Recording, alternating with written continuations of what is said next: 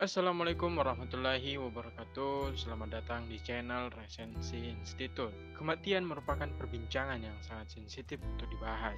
Perbincangan mengenai kematian, mengenai perjalanan setelah kematian dan berujung pada surga dan neraka. Kematian merupakan perbincangan yang paling menakutkan untuk dibahas.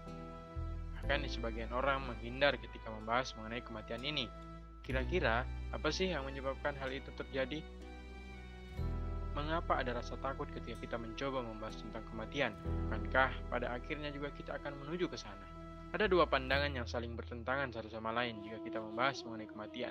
Yang pertama, kematian menjadi salah satu hal yang paling mengerikan dan menakutkan, meskipun pada akhirnya kita pasti akan menuju kematian itu sendiri. Kedua, kematian ia jadikan sebagai bentuk kesyukuran tersendiri, bahkan sampai berujung menginginkan kematian itu sendiri, dikarenakan ia rindu ingin bertemu dengan Sang Halik. Dalam buku Memaknai Kematian karya Kang Jalal ini, kita akan belajar bagaimana seharusnya kita bersikap dalam menanggapi soal kematian ini. Meskipun konotasinya menyeramkan, tetapi dalam buku ini akan menjawab keresahan di sebagian umat manusia, terkhusus yang beragam Islam, tentang bagaimana cara memaknai kematian yang seharusnya, seperti yang diajarkan dalam kitab suci Al-Quran dan hadis.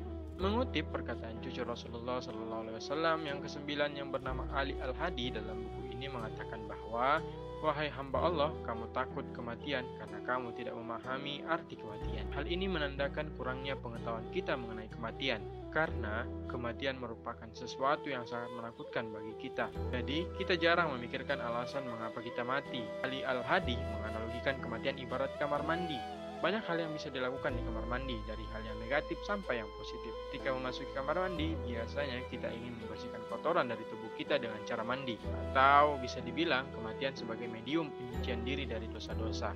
Mengapa kematian dikatakan sebagai medium penyucian atau proses atamsi?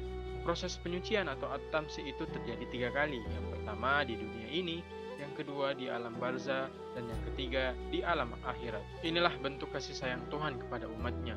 Tidak henti-hentinya Tuhan membersihkan diri kita, yang kita tidak bersihkan dengan taubat tentunya. Dalam Al-Quran sendiri disebutkan bahwa ada beberapa orang yang tidak diterima taubatnya.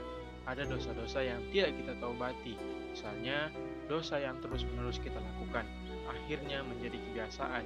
Kemudian kita memberikan justifikasi terhadap dosa-dosa itu. Walhasil, kita tidak menganggapnya lagi sebagai suatu dosa, Konsekuensinya tidak akan ada perasaan bersalah dan pada gilirannya tidak ada keinginan untuk bertobat. Karena itulah saat kita mati nanti, dosa-dosa itu masih mengotori diri kita. Dosa-dosa itu belum dibersihkan dengan taubat. Menurut Ibnu Qayyim, pada waktu mati ada beberapa proses pembersihan terhadap diri kita. Pertama, sakitnya pada saat sakaratul maut. Ia menjadi penembus dari beberapa dosa. Yang kedua, istighfar dari saudara-saudara kaum muslimin. Dalam Al-Quran disebutkan, Tuhan kami ampunilah diriku, kedua orang tuaku, dan seluruh kaum mukminin dan mukminat pada hari perhitungan nanti. Istighfar yang kita kirimkan untuk saudara-saudara kita yang telah meninggal dunia menjadi penghapus dosa-dosanya. Keempat, jika masih ada dosa yang belum terbersihkan oleh taubat, istighfar, dan musibah, maka nanti di alam akhirat, di hadapan Allah Subhanahu wa Ta'ala, dia akan dibersihkan lagi dengan empat hal. Yang pertama, bencana hari akhirat. Yang kedua adalah beratnya hari perhitungan dan kalau belum juga terhapuskan, yang ketiga kita akan memperoleh syafaat dari orang-orang yang diizinkan memberi syafaat. Salah satunya adalah Nabi Muhammad SAW. Dalam tafsir Majma' al-Bayan, mengisahkan wujud manusia pada hari kiamat nanti. Menurut Sayyid Al-Akbar Ibnu Arabi, semua makhluk berasal dari Tuhan dan akan kembali kepada Tuhan. Dari Tuhan datang buah apel, kambing dan manusia. Apel kembali sebagai apel, kambing sebagai kambing, dan manusia belum tentu sebagai manusia lagi ada yang berbentuk monyet yaitu para penyebar fitnah ada yang berbentuk babi yaitu yang suka memakan harta haram salah satunya adalah korupsi yang kepalanya terbalik itu adalah pemakan riba yang buta adalah penguasa yang zalim buta dan tuli orang yang takjub dengan amalnya sendiri yang menjulurkan lidahnya dengan sangat menjijikan adalah para ulama atau hakim yang perbuatannya bertentangan dengan omongannya. Yang dipotong kaki dan tangannya adalah orang yang menyakiti tetangga. Yang disalibkan kepada tonggak api adalah adalah pembisik penguasa yang menjelekkan manusia. Dan yang baunya sangat menyengat melebihi dari bau bangkai adalah orang yang pekerjaannya hanya mengejar-ngejar kesenangan jasmania dan tidak membayarkan hak Allah dalam hartanya. Mengapa demikian? Menurut hadis di atas yang menentukan bentuk manusia ketika ia kembali kepada Tuhan ialah amal-amal kita sekarang dan juga nanti. Siapa kita sebenarnya akan kita ketahui ketika kita menghembuskan nafas terakhir kita. Dengan amal saleh, kita bisa memperindah wujud rohani kita. Dengan amal-amal buruk, kita memperjelek wujud rohani kita.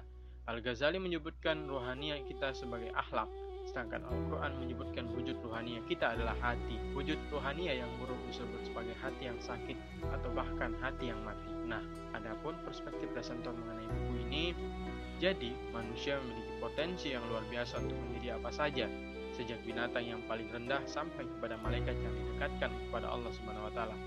Tidak seharusnya kematian kita takutkan.